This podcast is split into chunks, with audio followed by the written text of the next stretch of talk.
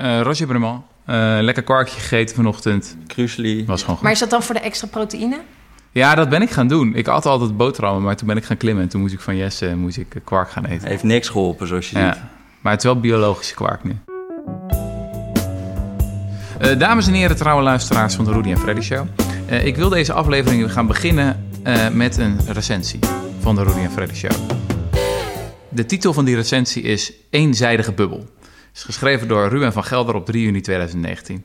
Het is een twee-sterren recensie. Oh. De recensie begint met de volgende woorden. Stuk voor stuk zijn de podcast uitstekend en een schoolvoorbeeld. Nou, het begint goed. Maar ja, het worden toch twee sterren. Ehm, dus dan gaat het over op...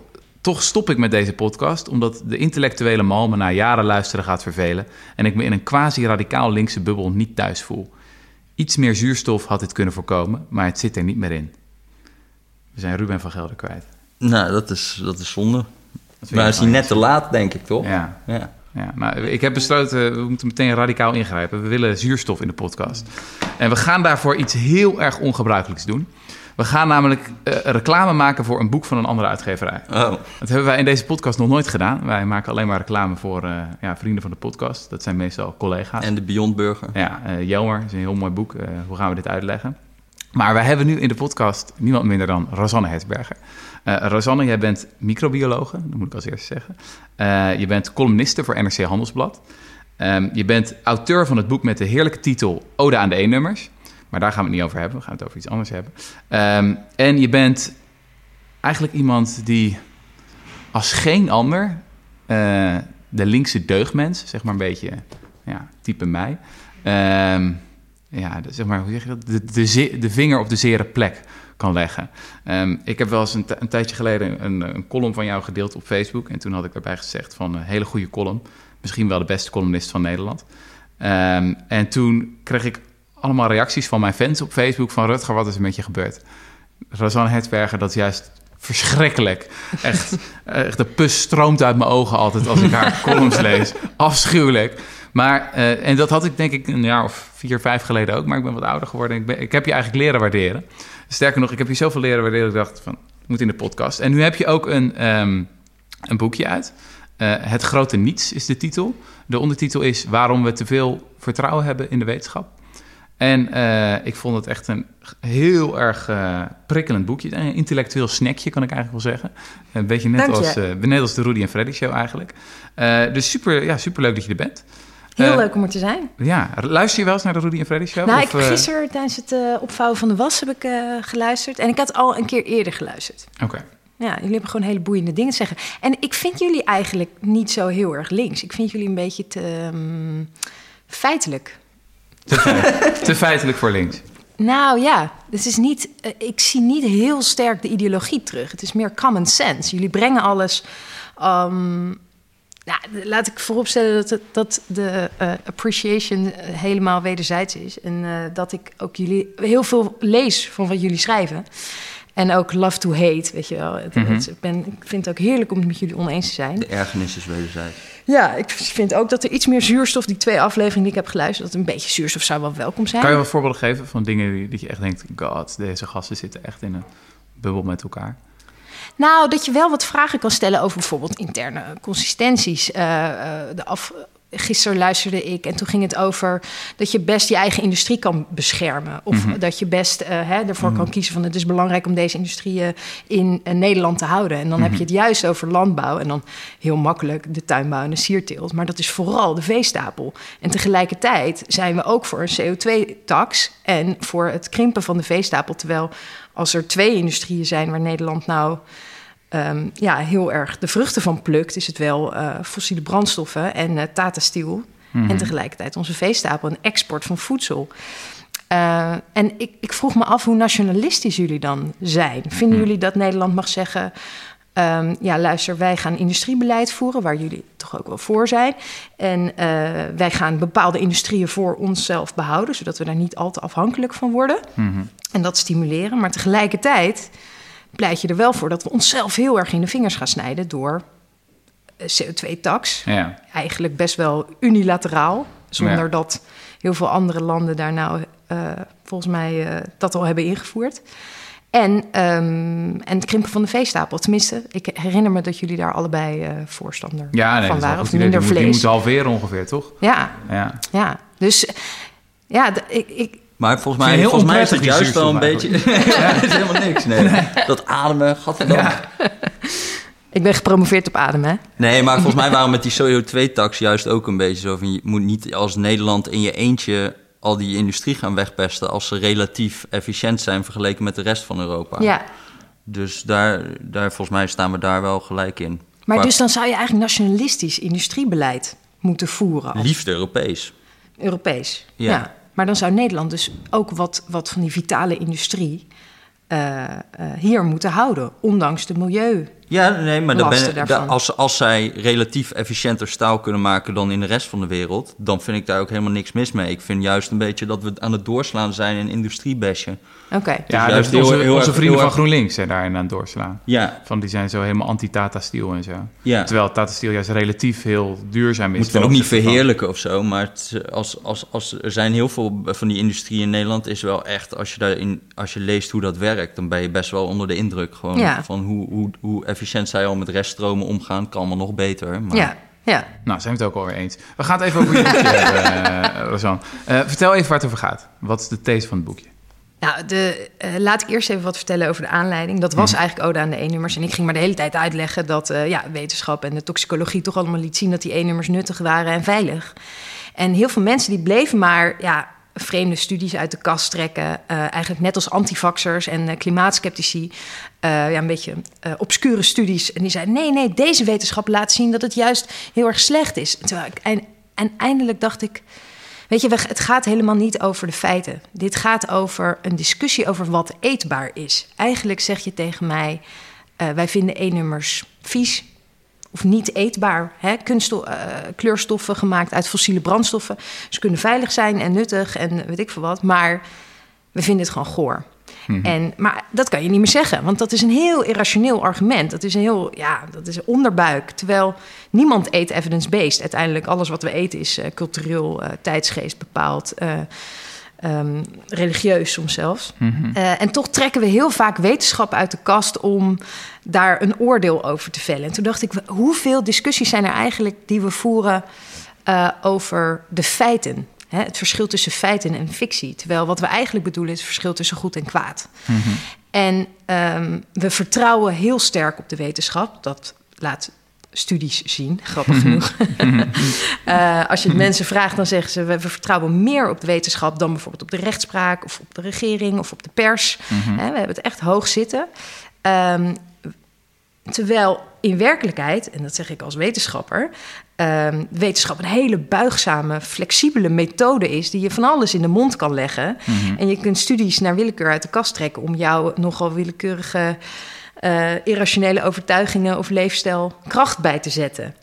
En ik maak me zorgen over evidence-based beleid. Ik maak me zorgen over evidence-based leefstijl, over evidence-based onderwijs en opvoeding.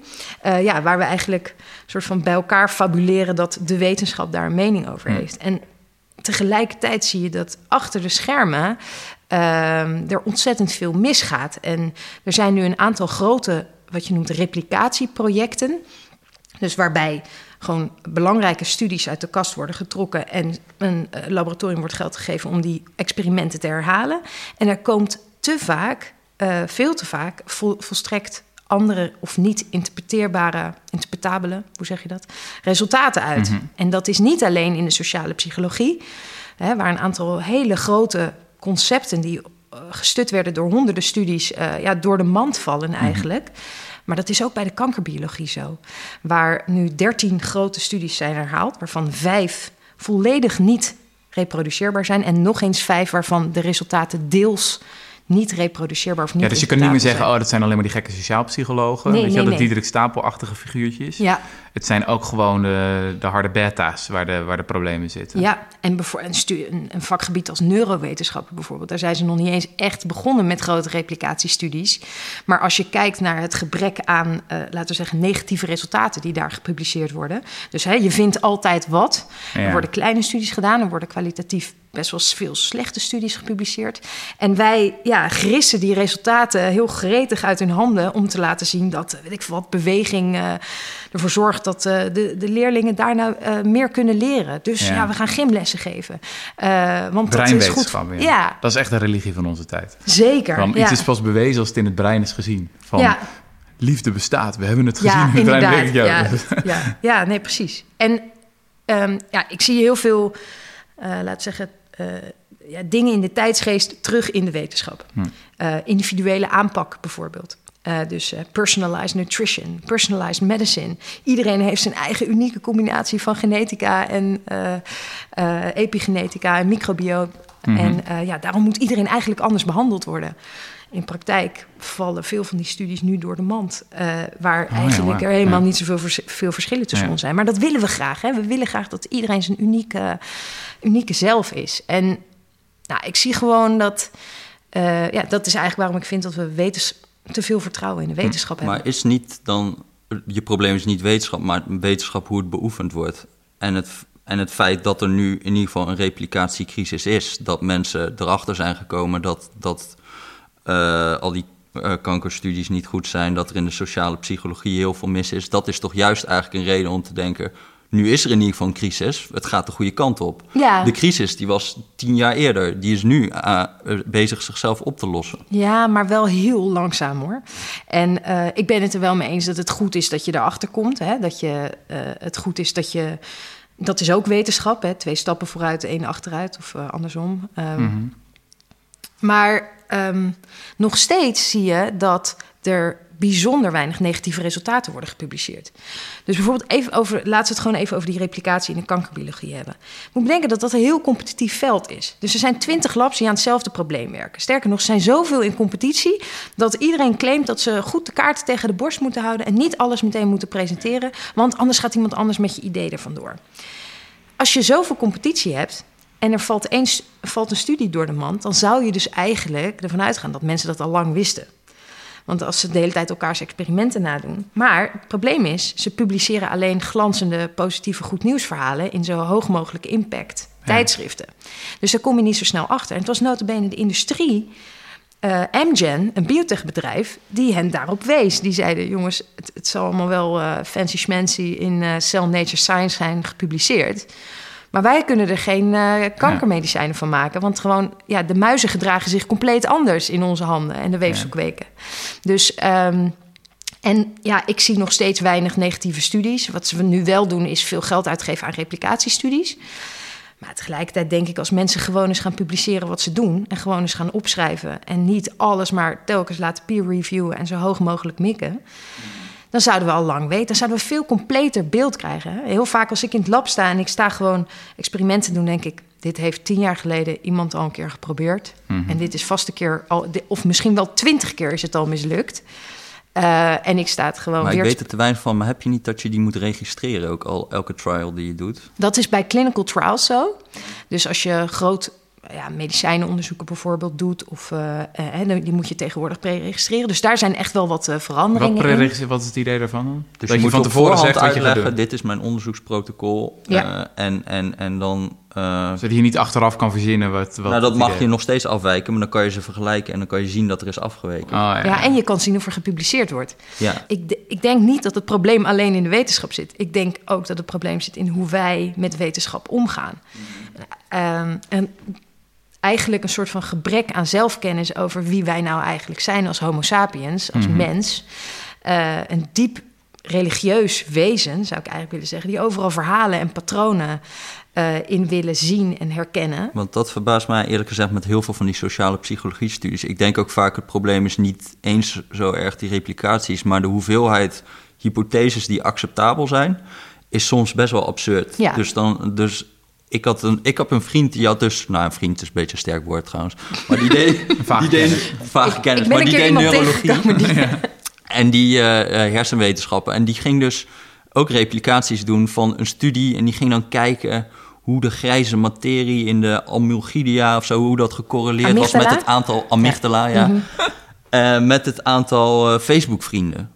Oh, En dan denk ik, zeg maar, ik weet niks van neurowetenschappen. Maar dit lijkt mij op zichzelf al een beetje absurd om te onderzoeken. ja. Ehm, maar het voorbeeld wat ik gebruik, want eh, wat je zegt is...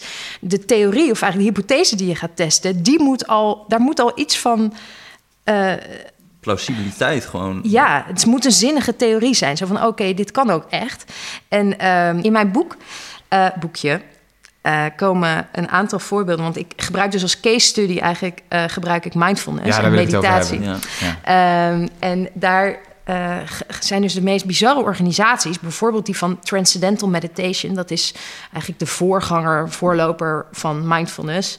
Van Maharishi Mahesh Yogi. Dat is een beetje de goeroe van de David Beatles, Lynch zeg en maar. zo zit dat. David Lynch, ja. Zie je ook wel aan zijn films. Ja, ik weet niet. Ik heb geen films Oké, gezien. dat van is echt heel wazig Het shit. gaat echt volledig aan. Oké, laat maar, oké. Ah, Oké, de- er was een populaire voorganger van mindfulness. Oké, Ja. en dat is transcendentale meditatie. En dat was jaren 70, 80 helemaal hip. En die Oh, ja. man, die guru die dat dus voorstond, daar is heel veel wetenschappelijk onderzoek naar gedaan. Ook gepubliceerd in de Lancet. En eh, high impact dat dat eh, goed zou zijn voor je creativiteit, productiviteit, effectiviteit, gezondheid, et cetera. Alles wat je daaraan kan ophangen, kan je daaraan ophangen.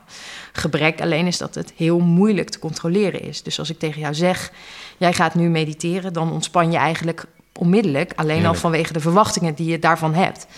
Ehm, wat ze in de jaren negentig hebben gedaan, die Maharishi Mahesh Yogi, die, die guru dus, die ging. Die heeft eh, op een gegeven moment bedacht dat het niet alleen voor mensen zelf goed is, maar ook voor hun omgeving. Dus dat je eigenlijk, als je maar met genoeg mensen bent, dat heet het coherente veld, creëer je dan.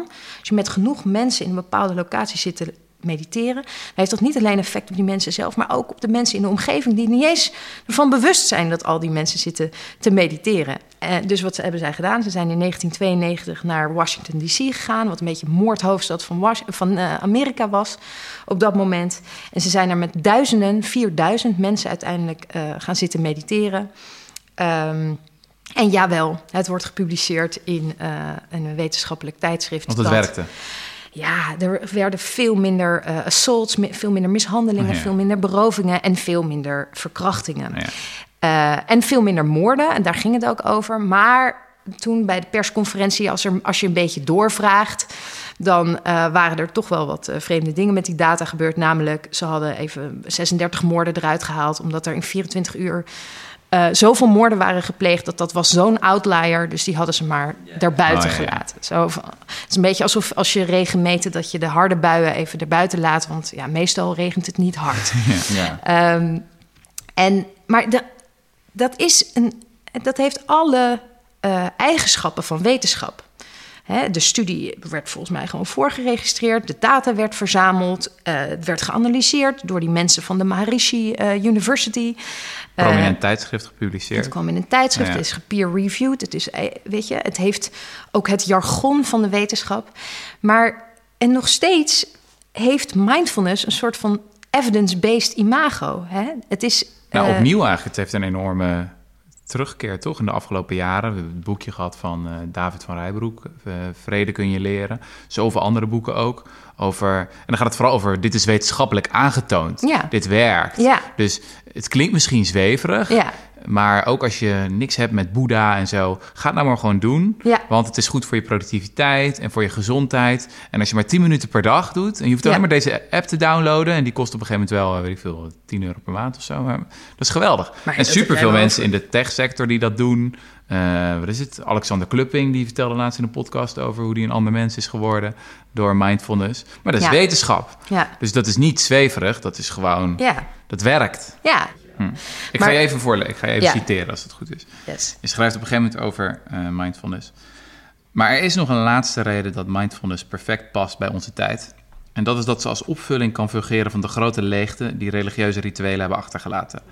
Het is een seculier gebed, een nihilistische ceremonie, maar dan zonder naaste liefde, zonder collecte, zonder goed of kwaad, waar je nooit schuldig hoeft te voelen of aan regels hoeft te voldoen en alles wat jij in je eigen bubbel ervaart alleen maar goed is. Dat is toch fantastisch dit? Ja. Nou, ik, dan ik is moest de heel erg denken, wacht even. Dan is de lollebal af. ik moet heel erg denken aan, aan, aan bidden. Misschien heb ik dat wel een keer eerder gezegd in de podcast. Maar op een gegeven moment hadden wij het boekje over dankbaarheid van uh, zeer gewaardeerde collega en founder, uh, founder. Ernst, Ja. Ernst Jan. Ehm, en dat is een boekje, eh het heet het Dankboek. En het idee is dan van je moet daar opschrijven van waar je dankbaar voor bent. Ja. Want wetenschappelijk onderzoek blijkt dat als je dat opschrijft en daarbij stilstaat, dan dat werkt heel goed. En toen had ik daar wat lang over nazitten. En toen dacht ik, maar wacht eens even. Dat heb ik gewoon een heel groot deel van mijn leven gedaan. Ja. Alleen thuis noemden wij dat bidden. Ja. Dan ging je gewoon, zeg maar voor het eten. En dan zeiden we waar we dankbaar voor waren. ja. We is wetenschappelijk bewezen dat bidden werkt. Maar dat, nee, ja, dat, Ja, dat ja, doen we dan niet. Maar het is dan een opvulling van dat soort dingen. Maar wat, wat ik een beetje, waar, wat bedoelen we nou met werkt hier? Wat is het nou wat werkt of niet werkt en zo? Want uiteindelijk, als ik het goed las, dan zeg je het werkt, maar het is een placebo-effect. Dus het werkt omdat jij gelooft dat het werkt. Ja. En waarom geloof je dat het werkt? Omdat je denkt dat het wetenschap is. ja. Dus het is een Dus een zelfversterkend effect. Ja, en nu, Ja. nu haal jij er een beetje de lol van af. Want als je dit leest, dan geloof je niet meer in het placebo-effect. Dus al die mensen die mindfulness, voor wie het werkte, werkt het nu niet meer. Maar wat Nou, is er mis mee dan? Wat er mis mee is, nou, niet zoveel dus, maar eh, ik, ik heb er echt niet zoveel op tegen. Als jij, als jij dat besluit om te gaan doen en dat jij daar een beter mens van... Hè, als, als je zegt, het werkt voor mij, ik voel me er lekker door... dan geloof ik dat volledig. Maar het irriteert je dat ze zich hullen in de mantel van de wetenschap. Ja, het irriteert me en ook dat Maar waarom is placebo-effect niet wetenschap? Een placebo-effect is 100% wetenschap. Het is, eh, het is prima. Eh, Weet je, het is ook eh, het is wetenschappelijk bewezen dat placebo-effect is moeilijk om niet te, te ontdekken eigenlijk. Weet je wel. In elke klinische trial heb je in de, in de controlegroep heb je mensen die uitvallen vanwege bijwerkingen. Terwijl ze niet eens het echte medicijn krijgen. Ehm, dus het is prima om gebruik te maken van dat placebo-effect. Ik sta vooraan om dat toe te juichen. Weet je wel, als ik eh met 20 weken zwanger eh, door mijn rug ga, reken maar dat ik eh, de volgende dag bij de acupuncturiste op de mat lig, omdat ik weet dat het werkt. Omdat ik niet in een placebo-gecontroleerde realiteit leef. Ik leef niet in een wetenschappelijk experiment.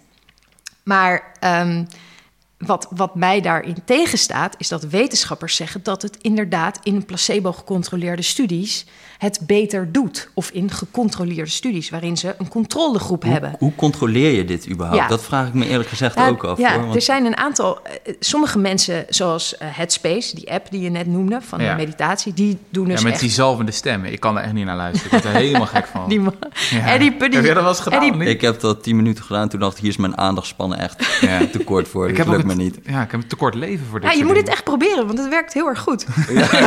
Maar vertel over de studie. Ja, ehm, er zijn verschillende gecontroleerde studies. Want iedereen controleert natuurlijk. Hè? Want Ja. je gaat niet zeggen, kijk, eh, hij ging mediteren en het was geweldig. Mhm. Dus eh, bij Headspace zijn bijvoorbeeld een aantal studies... waar ze een waitlist control hebben. Dus ze zeggen tegen sommige mensen, jullie mogen meteen beginnen. Tegen andere mensen, jullie mogen over drie weken beginnen. Er zijn een aantal prachtige, illustere figuren uit de geschiedenis... die daadwerkelijk geprobeerd hebben een... ehm, eh, een goede controle, een geloofwaardige controle. Dat was onder andere Jonathan Schmidt. En die heeft ehm, eh, periodieke somatische inactiviteit ontwikkeld. eh, met een werkboek van 72 pagina's. Inclusief frequently asked questions. Een docent die niet wist. of de methode nou een geloofwaardige methode was of niet. En hij heeft gewoon bij elkaar verzonnen. Hij heeft gewoon verzonnen dat eh, mensen nu eenmaal, ja, je cellen raken een soort van niet meer in sync. En daarom moet jij elke dag 20 minuten volledig stil met je ogen dicht in een stoel zitten. Eh, en daarbij mag je je gedachten alle kanten op laten gaan. Nou, en dan is er dus geen verschil meer met mindfulness. Of met transcendentale meditatie, onderzocht hij. Dus dat was feitelijk hetzelfde als meditatie, alleen met een heel ander verhaal erbij. Nou, je doet mensen geloven dat ze daadwerkelijk een geloofwaardige therapie aan het volgen zijn. Of dat er daadwerkelijk een wetenschappelijk gebaseerde achterliggende eh, verwachting is Ja, ja. dat dit gaat helpen. En je hebt ook nog zoiets als sham-meditatie. Dat wordt nu wel gebruikt, ook bij Headspace. Bij de Headspace-app is dat ook gebruikt door een Schotse groep.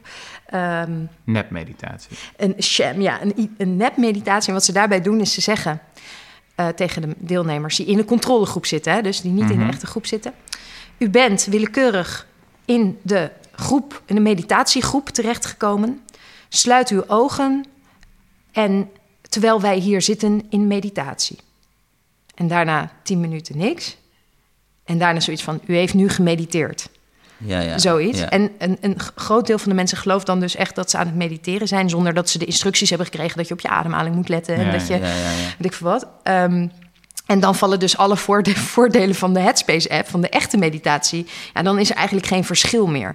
Dus het lijkt er wel op dat een groot deel van de, van de werking ervan verwachting is. Ja. Waar ik dus persoonlijk geen problemen mee heb. Ik heb ooit eens een boek gelezen en dat vond ik ook heel fascinerend. Dat Heb je wel eens een boek gelezen? The Great. Psychotherapy Debate heette dat. En dat ging over, over psychotherapie en wat werkt in, in psychotherapie. En dan heb je hele uitgesproken kampen over ja, cognitieve therapie en psycho-emotieve, weet ik het allemaal. Je hebt heel veel verschillende therapieën. En zijn betoog was eigenlijk alle bona fide therapie. Dus als je, je kan niet gaan zeggen, kappen, kap ermee met angststoornis of zo. Dat is geen... Nou, eens op. Houd, houd er even mee op, dat werkt Spinnen zijn niet eng. Ja, oké, nee, precies. thanks. Dat is geen therapie. Maar als er een soort van structuur omheen zit en een verhaal over waarom ze iets zo is. En dan was het belangrijk dat de therapeut het geloofde en dat de patiënt het geloofde, dan was het allemaal even goed. Ja, En eigenlijk eh, was zijn verhaal, hij, hij had niet eens de pretentie in dat boek dat het iets anders was dan placebo. Nee. Maar ook het placebo-effect kan variabel zijn. Dus het placebo-effect kan sterker zijn of minder sterk. En naarmate de kunde van de therapeut bijvoorbeeld. of, Alleen, ze, of ze factuur. of zijn factuur, ja, weet ik het. Ja, ja, ja. Maar, Nee, maar dan, maar dan wordt het wel ingewikkeld hoor. Want als, als, als, als ook het placebo-effect variabel is. en wij zeggen alles meer dan placebo is wetenschap. maar alles wat gewoon placebo is, is geen wetenschap.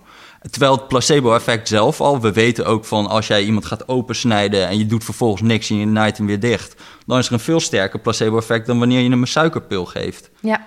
Dus als dat ook al variabel is, wat is dan nog, waarom is dat geen wetenschap meer? Nee, je, je, je hoeft het eigenlijk helemaal geen placebo-effect te noemen. Het is een effect, alleen het werkt niet eh, als je een suikerpil geeft. Alleen het werkt niet via je lever of via je cellen van Langerhans, maar het werkt via je hersencellen. En bepaalde structuren daar die eh, jouw verwachtingsmanagement en eh, ehm, ja, ook je motivatie om mee te doen en je motivatie om te genezen eh beïnvloedt. Dus het maakt niet zoveel uit wat mij betreft. Er is niet zo'n groot verschil. Alleen wat wetenschap probeert te doen, is die effecten van elkaar te scheiden. Dus ehm, weet je, als jij een diabeticus bent, dan eh, kan ik jou, eh, nou, dan is sowieso geen goed idee om suikerpillen te geven, maar kan ik jou, wat, ik- weet ik wat, een uh, maltodextrinepil geven en dan gaat je bloedsuiker niet van naar beneden. Dus er zijn daadwerkelijk wel heel sterk te onderscheiden effecten van placebo-effect. Ja. En wat, als je iets wil leren over hoe het brein werkt of over hoe mensen werken, anders dan dat placebo-effect, wat we inmiddels heel goed in kaart hebben, dan moet je dus proberen dat effect eerst weg te halen of daarvoor te controleren om de daadwerkelijke. Maar geloof niet bij sommige dingen zoals... ik weet niet wat de uitkomstmaat überhaupt is bij mindfulness... maar het zal iets van een psychische gesteldheid zijn. Ja, vragenlijsten. Heel veel vragenlijsten. En sommige die kijken naar hersenen en naar cortisol en naar nog een aantal andere hormonen. Maar dat dat niet gewoon bijna 100% placebo gaat zijn... wat je ook probeert. Dus dat welke interventie ook... het is bijna allemaal gewoon... eh, eh, heeft te maken met je eigen verwachtingen. Oké, laten we een voorbeeld nemen. Ehm, even kijken, moet ik het goed zeggen? EMDR na trauma. Dat is een interventie Het waarbij werkt je... supergoed, toch? Ja, het werkt supergoed. En, ehm, Dat is eh, dat je dan dus- de vinger moet volgen, ja, je vinger volg je voor je ogen heen en weer. En ehm, het, tenminste, ik, ik, ken, ik moet eerlijk bekennen dat ik de literatuur niet heel goed ken eh, daarover. Maar dat schijnt dat ook als je daar iets neps tegenover gezet of iets een cognitieve therapie, eh, wat ook werkt bij trauma, dan EMDR is veel beter. En EMDR is bijna zo goed dat je moet overwegen om bij elke auto-ongeluk gewoon iedereen eventjes EMDR te geven. Om te voorkomen dat iemand daar een trauma van overhoudt. Er zijn daadwerkelijk, en bij meditatie trouwens, als je dat vergelijkt bij eh, patiënten met depressie. Ehm, en terugkerende depressie, dan zie je wel degelijk dat dat ongeveer net zo goed werkt als cognitieve therapie en antidepressiva. Dus je kunt, weet je, elk vakgebied, hoe, hoe minder je met de hersenen te maken hebt, hoe beter je placebo-effect van echte effecten kan onderscheiden. Dus de hersenen zijn gewoon extreem lastig om te meten. Maar ik denk dat het daadwerkelijk wel mogelijk is om mindfulness te onderscheiden van, eh, van placebo, als het zou werken. Alleen ik heb het niet echt ontdekt. Ja, ja. Is het niet ook zo dat... Maar bedrieg jezelf, weet je wel. Gebruik dat vermogen van de menselijke geest om jezelf te bedriegen. Om, om voordelen daarvan te... Het is een... Driegen vind ik nog best wel... na- ja, Ja, het klinkt... Ik, ga, je nog, ik ga je nog even citeren, Ja. Rosanne, want dat vond ik ook een scherpe observatie in het boek. Ehm, Toen zei uh, of misschien is het nuttig om die boeddhistische filosofie over karma en wedergeboorte en onthouding gewoon weer uit de prullenbak te vissen. Er staan prachtige, diepzinnige dingen in. Men, zei, men zou gewoon weer eens wat kunnen proberen te geloven in plaats van het bewezen willen zien. Zo hoe, hoe ik dat las is van dat het eigenlijk ergens irritant is dat er zo'n hele klas is van mensen die zeggen van alles wat wij doen is evidence-based, klopt, et cetera. En bij eigenlijk hun eigen gelovige kant ontkennen. Ja. Ik heb zelfs zo'n periode gehad dat ik helemaal bezig was met de vraag van... uh, moet ik nou geloven, ja of nee? Ik heb zelf een christelijke achtergrond. Ja. En toen uh, nou, ging ik me helemaal verdiepen natuurlijk. En uh, braaf Herman Philipsen college-reeks gevolgd, het Atheïstisch Manifest. En op een gegeven moment was dus, nou, ik geloof niet meer. En dan heb je een bepaalde manier van, ik heb het licht gezien. Ik mm -hmm. heb de waarheid of zo in pacht. Ja. Ik Ja. heb alleen nog maar feiten die mij leiden. Juist. En naarmate je wat ouder wordt, begin je weer ook weer te realiseren hoe, hoe onzinnig die uh, houding is. Ja. Ik vond trouwens grappig um, over meditatie. Ik heb één keer een meditatiecursus gedaan. Mm -hmm. En dat vond ik eigenlijk superleuk. Ja. Uh, maar ik heb, ben daarna niet gaan mediteren, want dat mediteren vond ik verschrikkelijk. Mm -hmm. Maar ik vond gewoon de lessen eromheen, die spraken me wel aan. Bijvoorbeeld de, een centrale les, ja, heel banaal, dat weet blijkbaar heel veel mensen. Maar voor mij was het wel openbaring. Um, je hoeft niet te geloven wat je denkt. Ja. Oh, ik wil echt duizend dingen zeggen hierover. Okay, uh, ik, ik, vond het, ik heb ook zo'nzelfde ervaring gehad dat ik mindfulness ook wel waardeerde eigenlijk. En dat was wat Yuval Harari erover schreef. Ik, ik, ik ben fan van Yuval Harari. Ja, de Israëlische uh, historicus. Ja, ja, en die mediteert zelf twee uur per dag en gaat minimaal een maand per jaar op retraite. Uh, op, hm? Uitsloven. Ja, inderdaad. Hij had ook niet door dat Trump was verkozen, omdat hij toen... Hij kwam daar in januari pas achter. Want in november was hij op retraite gegaan. En toen kwam in januari erachter dat ja, Trump... ja, hij gaat nog Ja. langer op retraite. Volgens mij twee Ja. maanden elke keer. Ja. En hij zegt, ja, ik had al mijn boeken niet kunnen schrijven... als ik eh, dat niet doe en zo. En ik denk, je bent een diep religieuze man. Dus hij beschrijft hoe hij uit een orthodox Joods milieu komt... en eh, eh, van alles moest geloven. Maar nu ja, heeft hij de waarheid gezien. En dat is dat mindfulness is hè, op de grond zitten... of je hoeft niet per se op de grond te zitten... maar je ademhalingen te tellen. Hij beschreef over dat je eigenlijk... Uh, in de branding staat van je eigen gedachten. De golven zijn je gedachten. En je Mhm. gaat als een gek proberen goede gedachten van slechte gedachten te scheiden. Sommige golven moet je tegenhouden, en andere golven moet je juist stimuleren. Terwijl wat je doet tijdens meditatie is op het strand gaan zitten en uh, puur alleen de, de voorbijgang van al je gedachten, van al die golven observeren. Ik vond het ook prachtig. En tegelijkertijd vind ik een, een extremistische, nogal radicale keuze om twee uur per dag een maand, twee maanden per jaar Ja.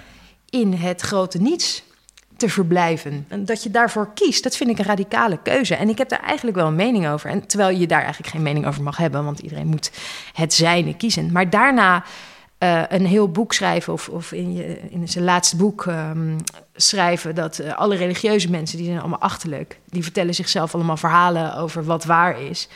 Terwijl hij een diep religieuze, ja. vrome man is eigenlijk. Mm -hmm. En dan zeggen dat andere mensen nihilistisch zijn en geen grotere ideeën hebben. Uh, hè, want hij, hij praat, dat nihilisme, dat, dat uh, ik ook een beetje signaleer eigenlijk in dat mindfulness. Mm -hmm.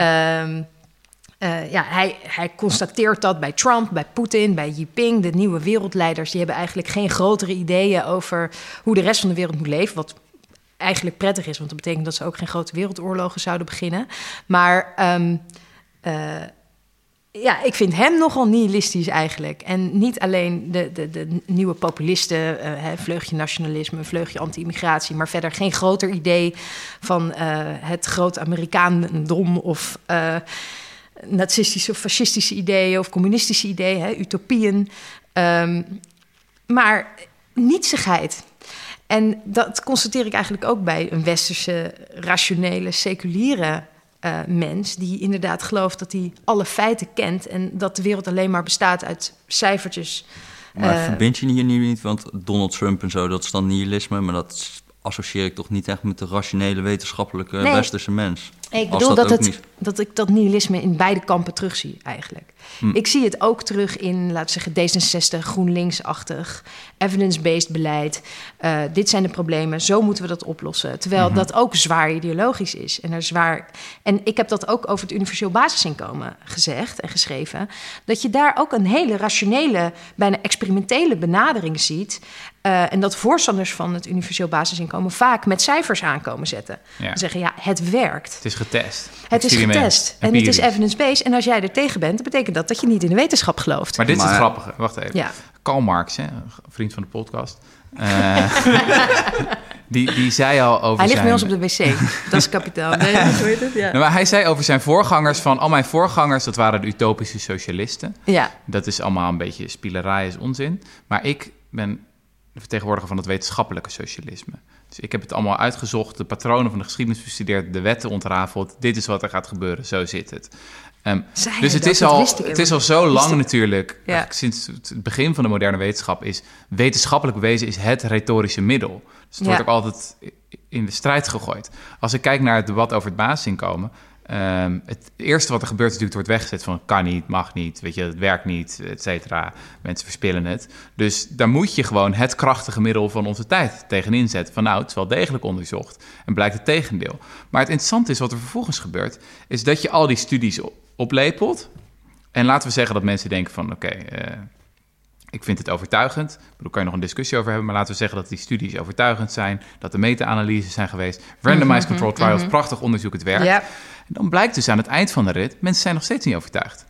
Waarom? Omdat ze een ander beeld hebben van hoe mensen überhaupt in elkaar hebben zitten. En dat is meer het religieuze beeld van hoe kijk je eigenlijk überhaupt naar mensen? Zie je ze als creatieve, mooie, coöperatieve wezens die iets willen maken van hun leven? Of denk je toch, nee, aan het eind van het, van het verhaal is beschaving maar een dun laagje. En denk ik dat ze gewoon de boel verpesten en dat basisinkomen niet waard zijn. En daar ben ik dus ook achter gekomen, in- tenminste in mijn eh, kruistocht voor het, voor het basisinkomen, is dat laten we zeggen, je kan wel eh, een end komen met een opiniestukje hier en daar waarin je het onderzoek aanhaalt.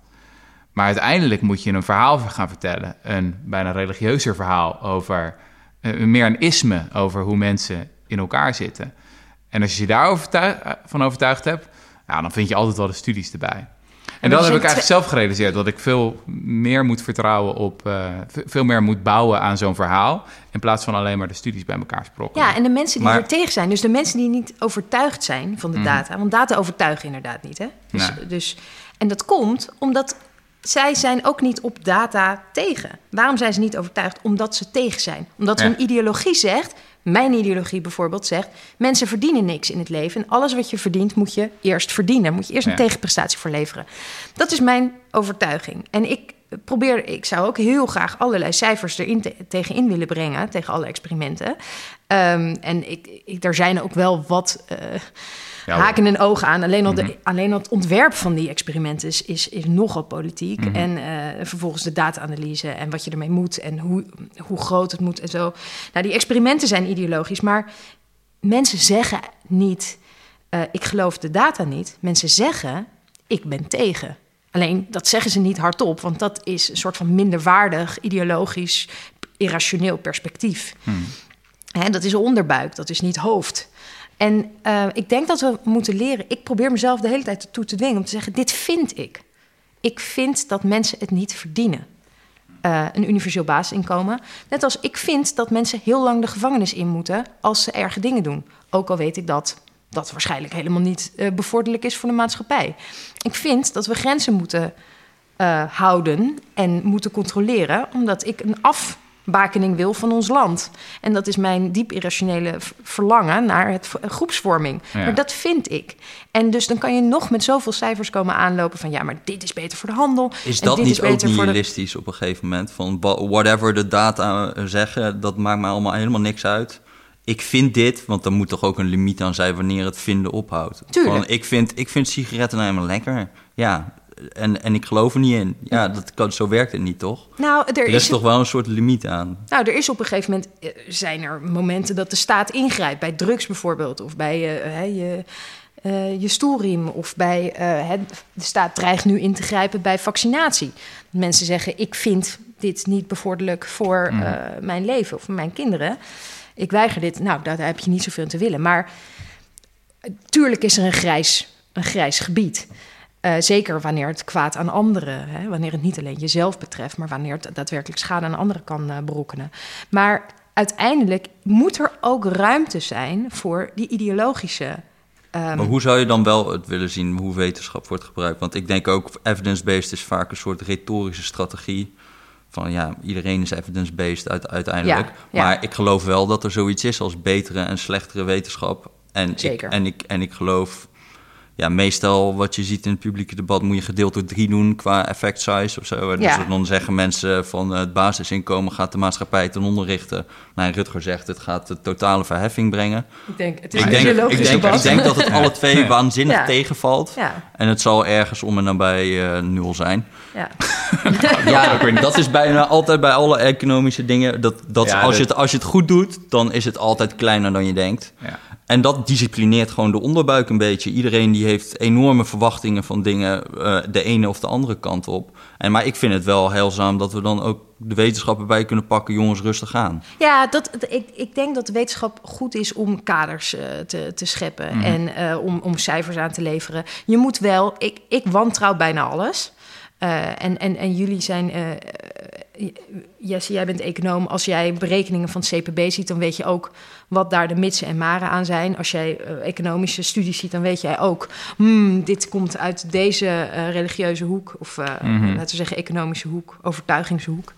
Ehm, weet je, wiskundigen die kunnen dingen met grote zekerheid. Hè, daar, dat is gewoon zo, wiskunde.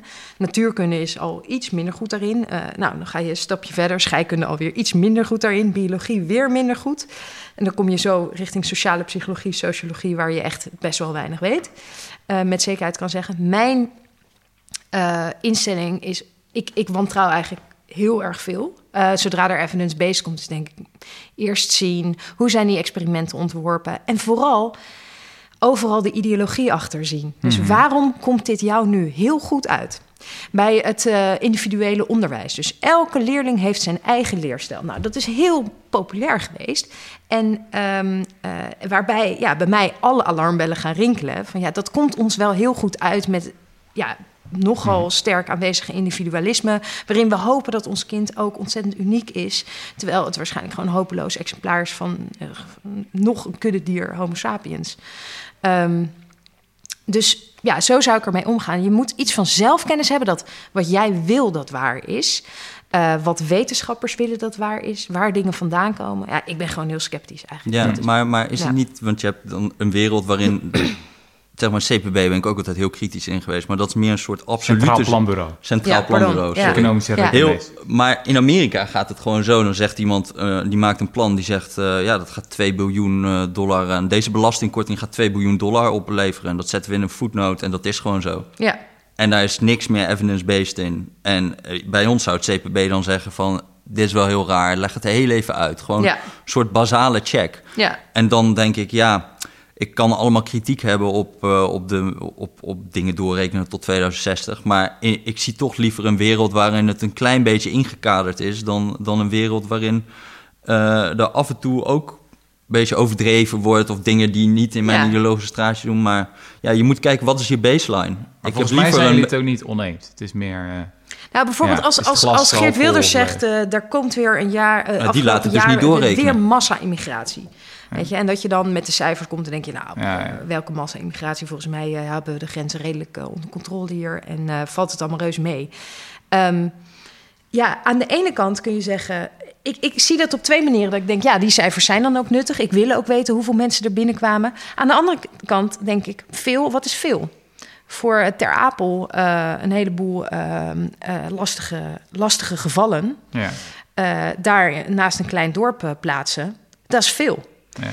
Ehm, weet je, terwijl in, in, in Rotterdam, ja, misschien kunnen we nog wel wat kwijt. Weet je Ja. wat? Eh, het, Dat is weer ideologisch. En ook hoeveel, hoeveel vertrouwen heb jij erin dat jouw positie goed blijft, ondanks eh, eh, de influx van ehm, kansarme immigranten?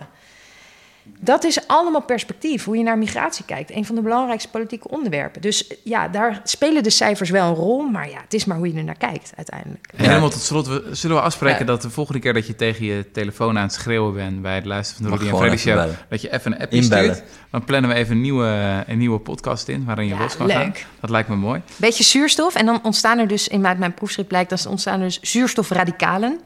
En die maken alles kapot. Schitterend. Ja, en dan zijn we weer terug bij nihilisme. Nee, niks meer aan doen. Eh, Jesse, we zijn nu bij het onderdeel van de podcast beland dat we nog dingen gaan promoten. En ik heb wel wat te promoten. Oh god, Ja. wat ga je doen dan, Rudy? Nou, ik ga op theatertour. Je gaat op theatertour met? Tom Jongen. Ja, ik ga op tour door Nederland. Is dat niet al lang uitverkocht? Ik, nee, nee, nog helemaal niet. Ja. En ik heb, maar ik, en ik heb ook allemaal boze komen. reacties gekregen van mensen die zeggen van... Ja, Rutger, ben je weer een zak. Je gaat alleen maar naar de Randstad, weet je wel. Weer naar Utrecht en Amsterdam. Maar dat ligt echt niet aan mij, mensen. Ik wil heel graag naar Groningen komen. Maar dan moeten ze me wel even boeken daar. Oké, Eh, dus bij deze ja. oproep. Groningen? Groningen is zo'n ja. leuke stad. Eh, de speellijst. Nijmegen ook niet. Ik, word juist alleen maar... Ik moet altijd naar Heerlen en naar Enschede en Ben je Groningen en mee? zo. En, eh, me. ja. Oh, nee, ze moeten mij daar niet Niks lelijk zeggen over heerlijk. Wat moeten wij nog meer promoten naast mijn theater? Eh, ja, eh, Jelmers boek. Je moet lid worden van de correspondent. En er is een nieuwe podcast van... Oh ja, van Lin. Dat Een hele leuke podcast. gaat over kinderen. Zal je ook aanspreken. Het tweede kind. Ja, het, over het tweede kind. Heel leuk trouwens. Ik heb de eerste aflevering geluisterd. Toeledoki. Dat weet Hoi. Wauw, Hoe lang het is echt eindeloos emmeren. Wat leuk. Ja. Nee, dit is podcast. Ja.